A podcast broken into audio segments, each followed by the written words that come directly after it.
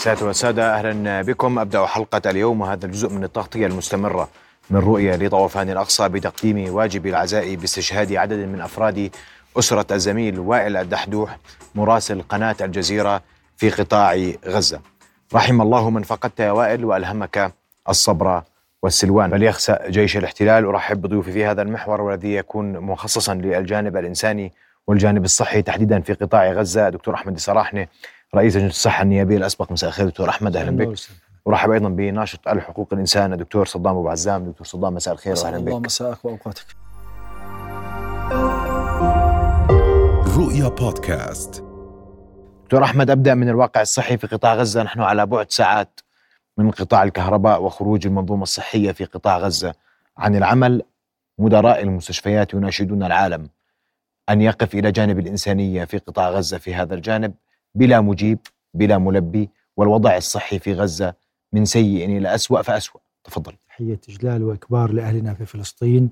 اليوم الموقف الموجود حاليا في في في غزة والمستشفيات والمراكز الصحية في في فلسطين وفي غزة على الأخص بصراحة موقف كارثي جدا. اليوم المراكز الصحية والمستشفيات شبه خرجت عن العمل. آه، ما في أكسجين ما في كهرباء ما في مواد طبية. معظم المستشفيات خرجت عن العمل. الآن آه، بعتقد بالساعات القليلة وبالأيام القليلة القادمة راح تخرج جميع هذه المستشفيات عن العمل. نعم. وهذا يعني يشكل وضع كارثي للمصابين ولأهلنا آه، في في في قطاع غزة.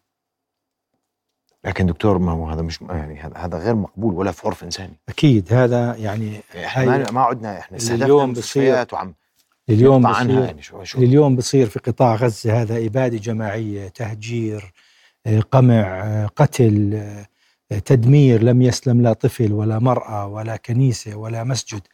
أكيد اللي إحنا قاعد بصير هذا يؤلم. هذا يعني ما في كلمات اليوم نقدر نوصف المشهد اللي بصير. لاهلنا في قطاع غزة. العدو الصهيوني العدو الصهيوني اليوم آه، كشف عن أنيابه لكن كالعادة لكن اليوم كان يعني كشفت عن الأنياب بصورة غير طبيعية. آه، اللي حدث في في آه، في 7 أكتوبر أكيد يعني فقدوا عقلهم من من ما حدث لأنه إحنا شفنا اللي صار، شفنا كيف المقاومة وصلت لعقر دارهم وهذا أكيد جن جنونهم من هذا الكلام.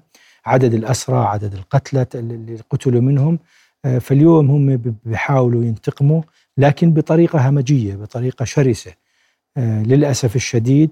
حتى كما تكلمنا لم يسلم لا طفل ولا مرأة ولا كنيسة ولا حتى مستشفى.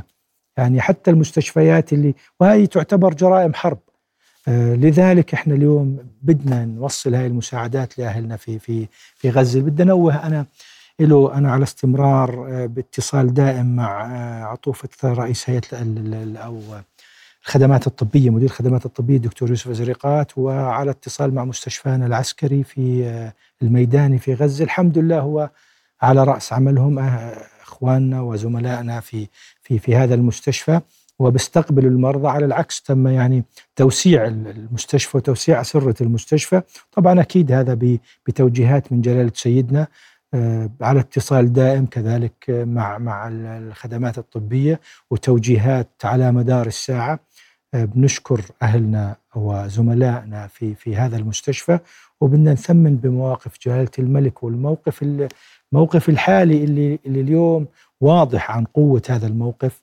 نؤيد ونثمن الموقف الأردني نعم. شعبا وقيادة. آه هذا الموقف اللي إحنا اليوم محتاجينه محتاجينه أهلنا في فلسطين.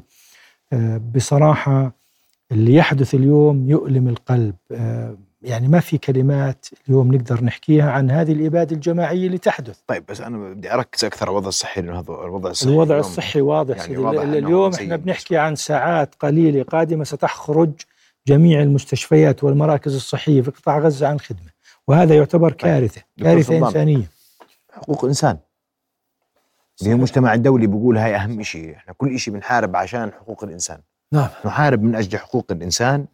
القوانين يجب أن تحفظ حقوق الإنسان. المواثيق الدولية تحفظ حقوق الإنسان. بيني وبينك هذا كله ما بطل يسوى اليوم الحبر نعم. المكتوب فيه. تفضل. آه، شكرا وأسعد الله مساءك ومساء الدكتور أحمد. ورحم الله الشهداء وألهم ذويهم الصبر والسلوان. آه، في الحقيقة القانون الدولي آه، بشقه الانساني هو القانون الذي يتم تفعيله في حالة النزاعات المسلحة. ولكن الحرب أو النزاع المسلح في القانون الدولي ليس عشوائي.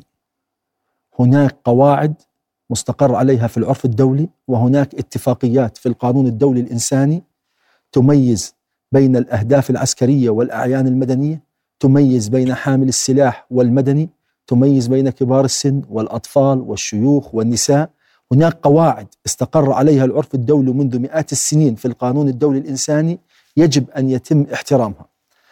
الذي يراقب المشهد الذي يتم في غزة يجد بدون أدنى شك بأنه لا يوجد تمييز بين الأهداف العسكرية والأعيان المدنية وبالتالي هناك أعمال عسكرية عشوائية شاملة هدفها اجتثاث الجميع والأصل أن بالقانون الدولي ووفق قواعد القانون الدولي أن تكون العمل العسكري موجه إلى أهداف عسكرية. المسألة الأخرى واللي بيعطينا مؤشر ودليل على ذلك وإحنا نرصد بواقع حقوق الإنسان أن عدد الشهداء زاد عن 6000 منهم 2000 أو أكثر طفل. وبالتالي هذا دليل أن الأعمال العسكرية عشوائية. هذه مسألة. المسألة الأخرى والتي تؤكد التشخيص القانوني اللي تفضل فيه الدكتور بالقانون الدولي الإنساني الاعتداء على الأعيان المدنية الحرمان من المرافق العامة من ماء من كهرباء من صحة من مرافق صحية من مدارس من غيرها هذا محرم في القانون الدولي. ولا يجوز اللجوء إلى مثل هذه الأعمال لأنها تعتبر أعمال شكل من أشكال الإبادة الجماعية. وبالتالي هذا كله محرم في القانون الدولي في هذه اللحظة. والله أستوقفك دقيقة دكتور صدام عشان مش يعني عشان نكون واقعي. أرجوك. هذا اللي بتحكي فيه كويس مكتوب آه نعم هذا قانون هذا اتفاقيات دولية. هذا مكتوب نعم على نعم. ولكن لا شيء مما كتب على الورق اليوم هذا السؤال المهم اللي لازم كلنا نجاوب عليه لأن هاي؟ القانون الدولي أخي محمد وكما يعلم المختصين القانون الدولي الإنساني والقانون الدولي بشكل عام هو قانون رخو، قانون مرن، هو يقوم على إيرادات الدول، هو قانون إيرادات الدول. ما لم تخلق إرادة دولية جماعية بالنهي عن هذه الأفعال لن يتحرك هذا القانون. وبالتالي نحتاج لماذا الموقف وأشار الدكتور لماذا الموقف الأردني تصدى بشكل واضح حتى نخلق إرادة دولية نحرك أجهزة القضاء الدولي ونحرك أجهزة الأمم المتحدة المختصة في هذا الإطار حتى تتخذ إجراءات حيال هذه الأعمال الأمين العام للأمم المتحدة لما حكى كلمتين اليوم ما خلوا له ولا بقوله. آه نعم لأن هناك تزوير للإرادة وتزوير للمشهد وهناك إعلام للأسف إعلام سيء. نقل الصورة وتحيز ونقل الصورة بطريقة غير صحيحة للمجتمع الدولي مما حفز بعض الدول إلى تبني موقف مغاير للواقع. الواقع يا أخوان يشير إلى أن هناك جرائم إبادة جماعية ترتكب في الميدان. الواقع يشير إلى أن الأعمال العسكرية أعمال تمتاز بالشمولية. الواقع يشير وإحنا بنرصد. أخي محمد نرصد. هناك أسلحة محرمة يتم استخدامها بالقانون الدولي. هذا يجب أن يتم نشره وفضحه. القانون الدولي الإنساني يقوم على فضح الانتهاكات. وهذا بدي أربطه أخي محمد بنقطة بجوز تحدثنا فيها قبل الهواء اللي هو الاستهداف حراس الحقيقة. الصحفيين والإعلاميين من مصلحة الجهات المتنازعة أن تستهدف الصحفيين. لحد هذه اللحظة استهدف الكيان الصهيوني أكثر من 19 إعلامي لأنهم هذول بنقلوا الحقيقة للمجتمع الدولي وبالتالي بده يغطي على جرائم الإبادة الجماعية وجرائم القتل والمجازر التي ترتكب حتى لا يتم بناء وجهة نظر دولية وبناء إرادة مجتمع دولي حتى نحرك أجهزة القضاء الدولي لاتخاذ قرارات حيال هذه الأعمال العدائية المسألة في الحقيقة مسألة كبيرة جدا تحتاج إلى تضافر جهود والإعلام باعتقادي الإعلام هو جزء أصيل ومهم في نشر وفضح الانتهاكات ونشرها على الملأ في هذا الإطار اسمح لي قبل ما أسمع آه، دكتور آه، أحمد منك أن أرحب بمدير مكتب الجزيرة في عمان الأستاذ حسن الشوبكي أستاذ حسن مساء الخير وعظم الله أجركم والبقية بحياتكم. أستاذ حسن أستاذ حسن الشوبكي هل تسمعني؟ نعم اسمعك. أقدم لك واجب العزاء. أولا رحم الله من فقد من فقدتم والأسرة الصحفية آه، العربية والعالمية تعزي الزميل وائل الدحدوح بهذا الحدث الجلل. آه، رحمهم الله جميعا أخي آه، محمد. وهذا يعني ديدا الأهل الصابرين في غزة كلهم. يعني وهذا احتلال همجي. يعني لا يعرف لا امرأة ولا طفل ولا ولا يعرف أماكن نزوح يطلب منهم أن ينزحوا إلى جنوب وادي غزة والعائلات نزحت وتوزعت. حتى أبلغني أخي وائل الدحدوح وزميلنا أبو حمزة أبلغني أنه يعني وزع العائلة حتى في حال استشهد البعض أن يبقى الآخرون بإذن الله. لكن هذا احتلال همجي ويقصف الجميع ولا يعرف يعني لا يعرف أي محرمات أو أي احترام لمدنيين أو تقدير لحياة الناس. ف والمؤسف أيضا يعني والموجع في القلب أكثر أخي محمد أن الزميل والد دحدوح وزوجته كانوا في عمان قبل يعني أسبوع من بدء هذا العدوان يعني. وكان يعني أجرى عملية في مستشفى العبدلي وكنا برفقته بقي في عمان أكثر من 25 يوما. هو وزوجته ام حمزة أختنا الفاضلة رحمها الله.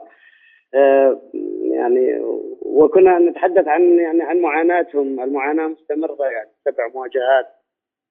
كنا عندما نتحدث أنا والزميل تامر الصمادي عن أوضاعنا وتغطياتنا والتقت الزوجات معا فأبلغني وائل وهمس في اذني أن زوجته فقدت في الحروب السابقة والعدوان السابق على غزة فقدت أربعة من إخوانها أربعة من أشقائها. نعم. وهي اليوم رحلت رحلت إلى إلى إلى رب كريم. يعني حقيقة القلب موجوع لكن يعني سأردد ما ردده أخي الزميل وائل الدحدوح بالقول أنه هذا قدرنا وهذا ولن نحيد عن هذا الطريق يعني. في النهاية أستاذ حسن نعم. الاستهداف للأسرة الصحفية واليوم الاستهداف لأسر الصحفيين هو يعني واضح جدا هذا هذا هدف و رسالة من الاحتلال لكل من يغطي أحداث غزة. نعم صحيح أخي محمد هو لا يريد للسرديه الفلسطينية والحقوق الفلسطينية أن تظهر على الشاشة، لا يريد لأحد أن يردد السردية الفلسطينية، يريد لروايته فقط ان أن تتسيد ولذلك هو يعني الخصم الأكبر بالنسبة لهذا الاحتلال الهمجي. هو الصحفيون وعائلاتهم ولا يريد لهم أن يعني أن يكونوا آمنين لهم ولا أسرهم. وهنالك أكثر من يعني 21 صحفيا استشهدوا على أرض فلسطين منذ بدء هذا العدوان وال يعني القائمة يعني يبدو أنها ستزيد واستهداف العائلات أيضا. هذا جزء من المخطط الذي يقوم تقوم به طائرات الاحتلال وجيش الاحتلال بالقصف. وهم يعرفون أين يعني تتواجد هذه العائلات وهذه الأسر وأين نزحت. لكن هو محاولة الضغط على كل من يريد أن يظهر الكلمة والصورة وبالتوثيق يريد له أن يصمت ولا يريد لسردية غير السردية الإسرائيلية أن تظهر.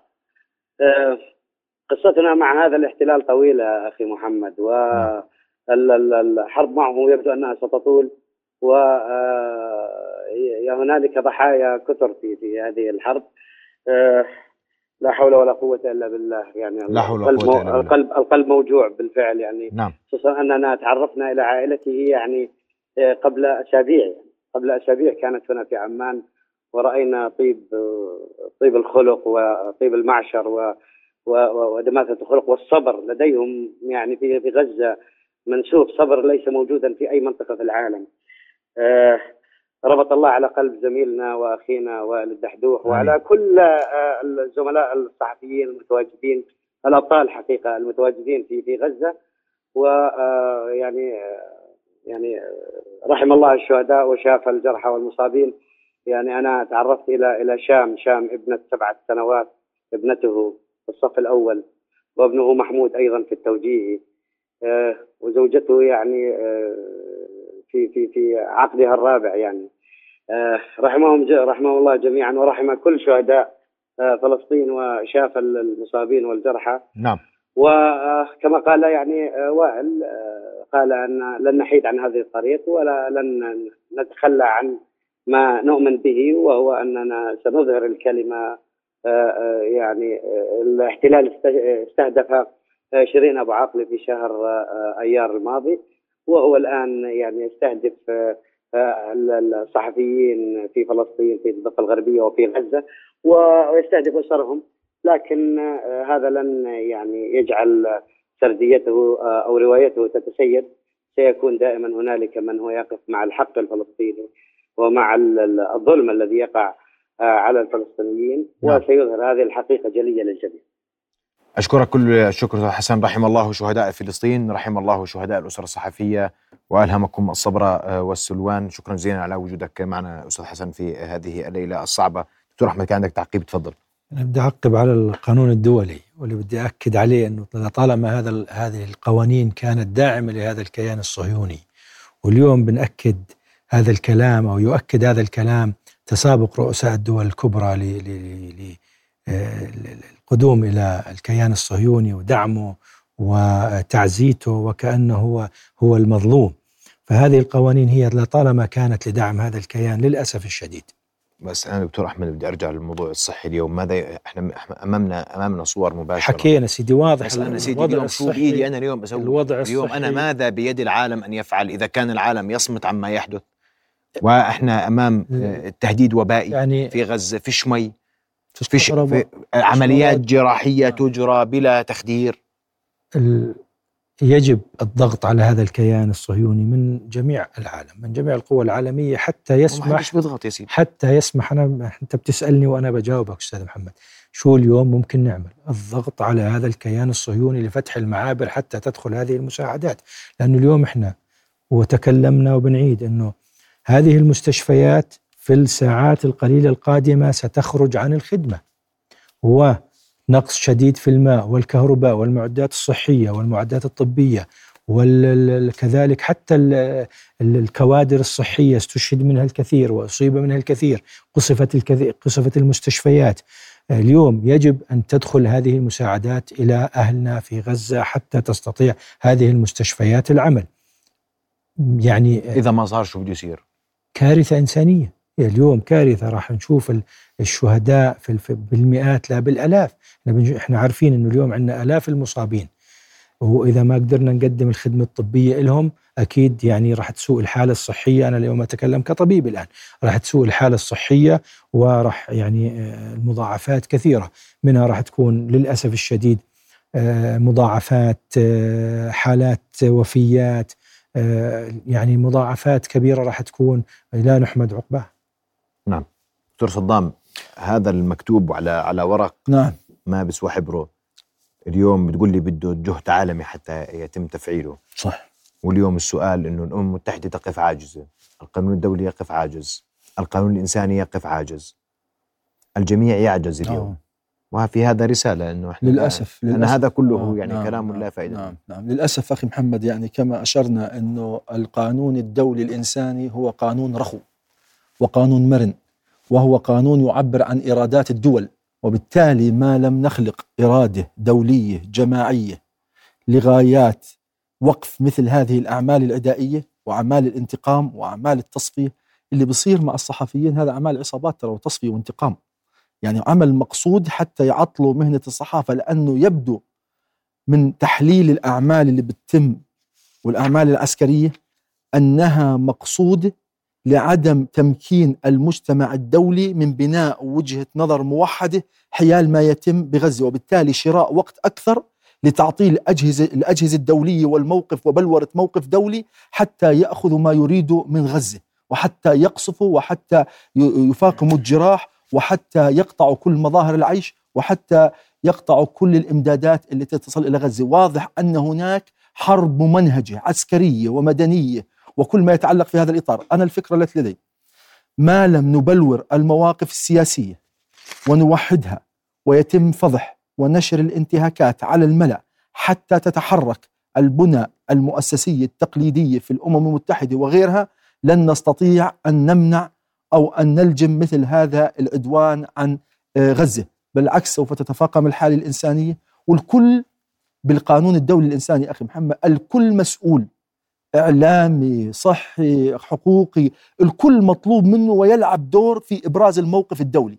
ما لم نلعب دورا حقيقيا من البرلمانات من المؤسسات المجتمع المدني من الإعلام من كل الجهات حتى نخلق هذه موجة رأي عام دولية مواتية للواقع اللي بيتم. لأنه اللي بيتم نشره في الإعلام وأنت أعلم بذلك وأنت أعلم بالسقطات الإعلامية اللي وقع فيها بعض الإعلام الغربي في الأسابيع الماضية كانت سقطات غير مهنية وغير أخلاقية وتزوير للواقع. فبالتالي دور آه. فبالتالي دورنا أن نبلور وجهة نظر عالمية حتى نوضح الحقيقة. لا يعقل بأي قانون وبأي قواعد وبأي أعراف لحد هذه اللحظة المعابر والممرات الإنسانية تراوح مكانها. إحنا اليوم 19 يوم أو 20 أو 21 يوم على الحرب. لحد هذه اللحظة المجتمع الدولي يفكر خطوة إلى الأمام خطوتين للوراء نفتح معبر رفح ولا ما نفتحش معبر رفح؟ ألف باء قانون دولي إنساني يجب أن يتم فتح المعابر والممرات الإنسانية والمناطق الآمنة. المدني ما له علاقة. المدني يجب أن يحيا ويعيش بحياة طبيعية وأن يتم إمداده بكل سبل العيش. بعكس ذلك تصبح جريمة ضد الإنسان إبادة جماعية. وهذا ما نخشى أن نصل آه، المستشفى الميداني نود أن نركز قليلا على هذا الموضوع دكتور أحمد ووضع هذا المستشفى وقدراته وإمكانية استمراره واليوم ماذا يمكن له أن يقدم في ظل هذه الأزمة؟ يعني بس انوه آه، تنويه بسيط ومهم انه هذا العدو سيدي ما بفهم لغة إلا لغة القوة. فلذلك لا بدنا حتى الرأي العام العالم العالمي والدولي اليوم هو مع هذا الكيان الصهيوني، فلذلك يعني المناشدات والمطالبات اليوم وصلت لطريق مسدود ومش هذا مش هذه لغة العدو، لغة العدو الصهيوني هي لغة القوة. فاليوم يجب يجب أن نفرض لغة القوة على هذا العدو الصهيوني حتى يقدر نقدر نقدم المساعدات لاهلنا في غزه. بالنسبة للمستشفى الميداني آه، قلت لك أنا إنه أنا متابع مع عطوفة مدير الخدمات الطبية آه، من فضل الله لحد الآن المستشفى بيعمل بكامل قوته بكامل سعته وحتى زادت السعة آه، لأنه زاد العبء على مستشفى الشفاء والمستشفيات الأخرى.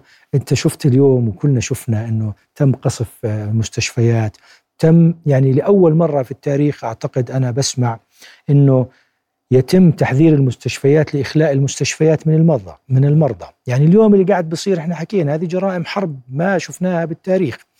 آه، فلذلك آه، آه، نعول على مستشفينا الميداني ومستشفينا الميداني لحد الآن والحمد لله يقوم بعمله على أكمل وجه.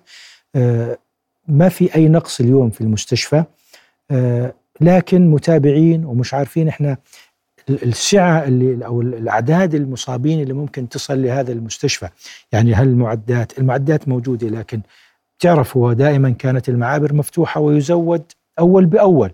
آه، ما بتقدر أنت تخزن معدات طبية ما بتقدر تخزن آه، أدوية لفترات طويلة. آه، لأنه هذا يعني بعيد عنا وعن طريق مصر وطريق معبر رفح وكذلك. فلذلك إحنا اليوم مش عارفين قدر عدد الإصابات اللي راح توصل. فلذلك ما بنقدر نحكي لقديش ممكن يصمد المستشفى لكن المستشفى متابع على مدار الساعة بتوجيهات من جلالة الملك وسمو ولي العهد. شفنا إحنا أشرف سمو ولي العهد بنفسه على تجهيزات المساعدات اللي بدها توصل لغزة. لكن إحنا شايفين إنه هذا العدو الصهيوني مغلق المعابر مش سامح لحدا يدخل أو يخرج من معبر رفح أو غير معابر رفح للأسف الشديد ما بنقدر نحكي لكن الآن وإحنا نتكلم المستشفى يقوم بعمله على أكمل وجه. نامل أن يستمر ذلك. بدي أشكركم كل الشكر ضيوف الكرام الدكتور أحمد الدكتور صدام على وجودكم آه، معنا الليلة فاصل قصير ثم نواصل هذه التغطية من رؤية. ابقوا معنا.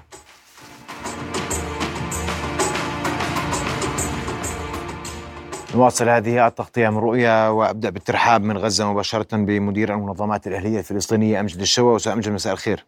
أهلا وسهلا مساء الخير. أستاذ أمجد آخر التطورات آه، لديكم الوضع الإنساني في قطاع غزة حال المستشفيات اليوم؟ تفضل. يعني الاوضاع تتسارع في التدهور بشكل خطير جدا عمليات القصف الإسرائيلي على مختلف مناطق قطاع غزة. يعني قبل قليل تم انتشال 40 شهيد من تحت ركام آه، منازل قصف في مدينة غزة بالإضافة إلى مناطق النصيرات ومناطق الشمال ومناطق الجنوب. هناك قصف متواصل وهذا طبعا آه، شكل من أشكال الجرائم التي ترتكب بحق الإنسانية وهي جرائم إبادة بمعنى الكلمة بحق شعبنا الفلسطيني في وقت أن المستشفيات تئن جراء اولا العدد الكبير للمصابين والجرحى وثانيا نفاذ الوقود وهناك مستشفيات خرجت عن الخدمة بالفعل الطواقم الطبيه تعمل بإمكانيات قليلة جدا في ظل نفاذ أيضا كميات كبيرة من المستلزمات والمعدات الطبية والأدوية اللازمة لعلاج الجرحى. في وقت أيضا استهداف القوات الاحتلال الإسرائيلي لسيارات الإسعاف والأطقم الطبية. هناك 35 شهيد من من الطواقم الطبية. هناك أيضا عدد كبير من سيارات الإسعاف التي خرجت عن الخدمة. هناك مستشفيات ومراكز طبية خرجت عن الخدمة بشكل كامل. في ظل عدم وجود التيار الكهربائي وعدم وأيضا نفاذ الوقود المخصص لتشغيل المولدات في هذه المستشفيات. الوضع يزداد خطورة وأيضا لابد أن نشير أن هناك مرضى بحاجة للعلاج كالفشل الكلوي وأيضا مرض القلب وهم مرتبطين بأجهزة آه، كهربائية وأجهزة تنفس. هذا الأمر آه، طبعا يمثل إعدام لهذا المصابين والجرحى. وفي حال عدم دخول الوقود معناته إنه آه، سنشهد مصيبة كبرى. يضاف إلى ذلك معاناة من هم موجودين في مراكز الإيواء. هناك 600 ألف شخص موجودين في مراكز الإيواء التابعة للأونروا بالإضافة أن هناك تقريبا 900 ألف آه، موجودين لدى أسر مضيفة أو في مراكز تابعة للمدارس الحكومية وغيرها. هناك عدم وجود أي شكل أشكال من الخدمات. مقدمة لهم وأنا وأنا أذكر موضوع الكهرباء مرتبط أيضا بقطاع المياه سواء محطات تحليه المياه مياه الشرب وأيضا الصرف الصحي. مياه الشرب آه، هناك كميات قليلة ما تصل إلى مراكز اللواء وهناك تلوث في المياه وهذا يعني الذهاب باتجاه مصيبة أكبر وهي انتشار الأوبئة. نعم. الأمور تسارع في التدهور وهناك خطر كبير على مجمل سكان قطاع غزة. وهذا أيضا يأتي في إطار القصف المستمر والمتواصل والمساعدات التي قطاع غزة هي مساعدات قليلة لا تكاد تفي بشيء من الاحتياجات الأساسية. علما بأنه كان يوميا كان يمر عبر المعابر قطاع غزة 400 شاحنة محمله بالمواد الغذائيه والدوائية وغيرها من احتياجات قطاع غزة. اليوم يدخل فقط 20 شاحنة ونحن نحن في كارثة. وهذه الشاحنات تحمل كميات قليلة من الأدوية والأغذية وزجاجات المياه دكتور أمجد. نعم. فيما يخص المستشفيات تحدثت عن خروج مستشفيات عن الخدمة وكان هناك حديث لمدراء مستشفيات القطاع بأنهم يحاولون الآن آه، لملمة كل ما يمكن لإبقاء وديمومة عمل هذه المستشفيات هل هناك آه، يعني هل هناك أرقام واضحة إلى متى يمكن لهذه المستشفيات أن تبقى على رأس عملها؟ يعني للأسف نحن نتحدث عن آه، أنا لا أستطيع أقول أيام ولكن نحن نتحدث عن ساعات ساعات. يعني المستشفى الإندونيسي المستشفى الإندونيسي شمال قطاع غزة بات يعمل من خلال الكشف الإضاءة اليدوية. وهو يستقبل الجرحى والشهداء ويجري عمليات حتى بدون بنج. هذا أكبر مستشفى بالشمال الآن مجمع الشفاء آه، طبعا آه، تركيزه الأكبر في العمل هو من خلال آه، ما هو موجود من وقود لتشغيل المحركات لساعات قليلة. أيضا للأونروا اليوم الأونروا اليوم أعلنت إنه خلال ساعات يعني أقل من يوم آه، خدمات ممكن أن تتوقف في حال عدم دخول الوقود. والأونروا لديها مراكز صحية ولديها مراكز إيواء ولديها أيضا آه، مضخات مياه ولديها أبار مياه ولديها يعني كثير من البرامج المرتبطة بالكهرباء سياراتها التي تعمل بحاجة لوقود فبالتالي نحن نتحدث عن ساعات والكارثة ستشتد حلقاتها في قطاع غزة. وأيضا لابد من الإشارة أن الوقود ارضا مرتبط بالمخابز. المخابز اليوم تعمل بطاقة آه، قليلة جدا آه، في ظل انه الاحتلال الاسرائيلي أيضا يستهدف المخابز. والجميع أنا تم استهداف صباح اليوم مخبز في المغازي بين بينما المواطنين مصطفين لتلقي الخبز الخبز اليومي. وهي كميات قليلة يحصل عليها المواطنين الآن هناك تقريبا 10 مخابز خرجت عن الخدمة بسبب القصف الإسرائيلي والمخابز يعني لديها قليل من الوقود لتعمل فبالتالي حتى الخبز سيكون مهمة مستحيلة الوصول إليها. وهذا سيؤثر بشكل مباشر على واقع الأمن الغذائي في آه، مراكز اللواء وفي مختلف مناحي قطاع انحاء قطاع غزة. بمعنى سندخل مرحلة جديدة من التجويع الذي يقوم بالاحتلال الإسرائيلي، غاز الطهي طبعا نحكي نحكي برضه يوم يومين وبينفذ قطاع غزة. نعم نعم دكتور، كرشقات صاروخية من قطاع غزة باتجاه آه، آه، آه، مستوطنات الاحتلال هذا ما يبدو أو أنه قصف جديد لغزة على ما يبدو بشكل أوضح أنها رشقات صاروخية تتجه من غزة باتجاه مستوطنات الاحتلال المختلفة والأراضي المحتلة. عام 48 دكتور أمجد تحدثت عن حال المستشفيات تحدثت عن الوضع الراهن والسؤال ماذا يمكن أن يفعل الغزيون في حال بقي تعنت الاحتلال على حاله بعدم دخول أي مساعدات حقيقية للقطاع؟ أنا شوف يا سيدي نحن أخذنا من الصمود عنوانا ورمزا لشعبنا الفلسطيني وصرنا صامدين على هذه الأرض. والجميع قطاعات شعبنا الفلسطيني رفضت موضوع التهجير، الاحتلال الإسرائيلي يسعى لتهجير شعبنا الفلسطيني. وتحقيق نكبة من من جديد. وما يحدث هو مراحل في النكبة. فبالتالي آه نحن نشهد مجازر حقيقية. وفي حال لم يتم التدخل بشكل جدي وفوري لوقف هذا العدوان ليس فقط توفير ممرات إنسانية على أهميتها. نحن نؤكد على ضرورة وقف العدوان ووقف استهداف المدنيين وعلى الجميع أن يعمل على مدار اللحظة من أجل وقف هذا العدوان. كل لحظة تمر هناك مأساة وهناك مجزرة ترتكب حق ابناء شعبنا الفلسطيني والسكوت على هذه المجزرة من قبل المجتمع الدولي هو للأسف شراكة ومشاركة في هذه الجريمة. نعم. ف... دكتور أمجد إلى متى يتحمل القطاع كل ما يحدث؟ قصف يبدو يتجدد على قطاع غزة الآن. يعني القصف لم يتوقف ولا مرة وتهديدات آه، نتنياهو هذه الليلة تعبر عن ان الاحتلال الإسرائيلي. سيدخل في مراحل جديدة من الازمه وهذا يعني هذه يعني حرب اباده بحق ابناء الشعب الفلسطيني الشعب الفلسطيني سيبقى على أرضه يعني قدرة التحمل هي مرتبطة بقدرة أشقائنا وأصدقائنا في العالم بالضغط على كل المستويات الدولية من أجل تبني قرار واضح وصريح لوقف هذا العدوان. نعم. أشكرك كل الشكر مدير شبكة المنظمات الاهليه الفلسطينية دكتور أمجد شوا كنت مباشرة معنا من غزة. أرحب بالأمين العام للمبادرة الوطنية الفلسطينية دكتور مصطفى البرغوثي معنا مباشرة من رام الله. دكتور مصطفى مساء الخير واهلا بك في هذه التغطية من رؤية. مساء الأنوار أهلا. دكتور مصطفى آه، جرائم بدم بارد الاحتلال يواصل تعنته نتنياهو يتحدث اليوم عن اقتحام بري لا يريد أن يحدد مكانه وزمانه فقط.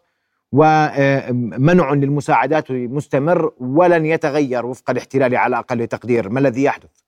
آه هذا الإجرام الإسرائيلي آه يعني تجاوز كل الحدود ويقترب من رقم سبعة آلاف من الشهداء الفلسطينيين ومنهم ما لا يقل عن آه 2800 شهيد طفل. آه مجزرة حقيقية تجري على مدار الساعة وتوحش إسرائيلي في تنفيذ ثلاث جرائم حرب كبرى.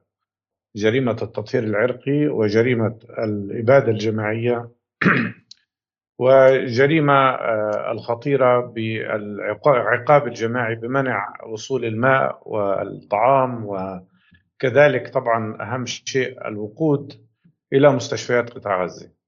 اليوم نحن نواجه خطر ليس فقط آه، أن يستشهد الناس بقصف الاحتلال الهمجي بل أيضا أن يموتوا بسبب عدم وجود الدواء والعلاج وبسبب عدم وجود الكهرباء لتشغيل حضانات الأطفال الرضع الذين يبلغ عددهم 120 وقد يموتوا في أي لحظة وكذلك من لا يستطيع أن يصلوا إلى غسيل الكلى.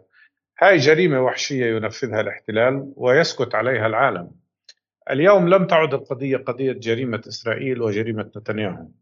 بل يشاركه في الجريمة كل من يتسترون عليه ويمنحونه الدعم سواء الدعم العسكري أو المالي أو السكوت على جرائمه أو الرفض ومنع حدوث وقف لإطلاق النار كما تفعل الولايات المتحدة بتصويتها المتواصل ضد أي قرار لوقف إطلاق النار في مجلس الأمن. وكما يفعل رئيس الوزراء البريطاني عندما يمنح تأييده المطلق لإسرائيل ويقول أن وقف إطلاق النار سيفيد حماس حسب ادعائه. هذا الذي يجري في غاية الخطورة وهذه الدول فعلا آه، انحازت بشكل ليست انحازت هي دائما منحازة ولكن الآن تتورط في جرائم الحرب التي ترتكبها إسرائيل. وأنا برأيي أنا أوان أن ترفع كل الشعوب العربية صوتها. خلص يكفي. مش بس ترفع صوتها لتطالب بوقف العدوان ترفع صوتها لتطالب بوقف المصالح الأمريكية في المنطقة.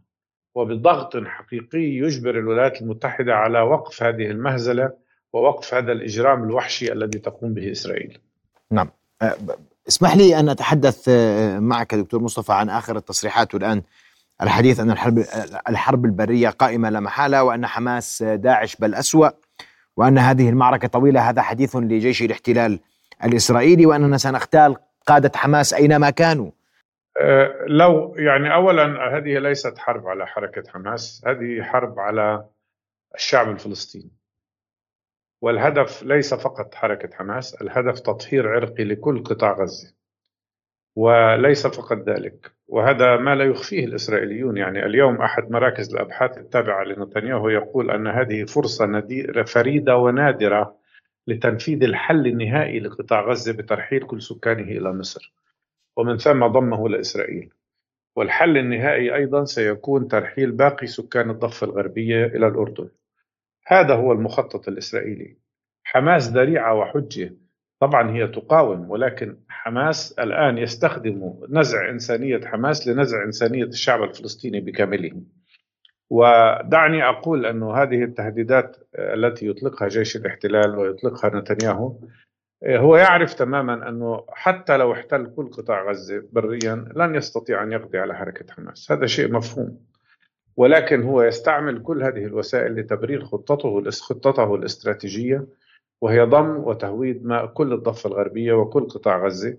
وهو لم يخفي ذلك عندما رفع خريطة إسرائيل في الأمم المتحدة التي تظهر في الأمم المتحدة على مرأى ومسمع من العالم.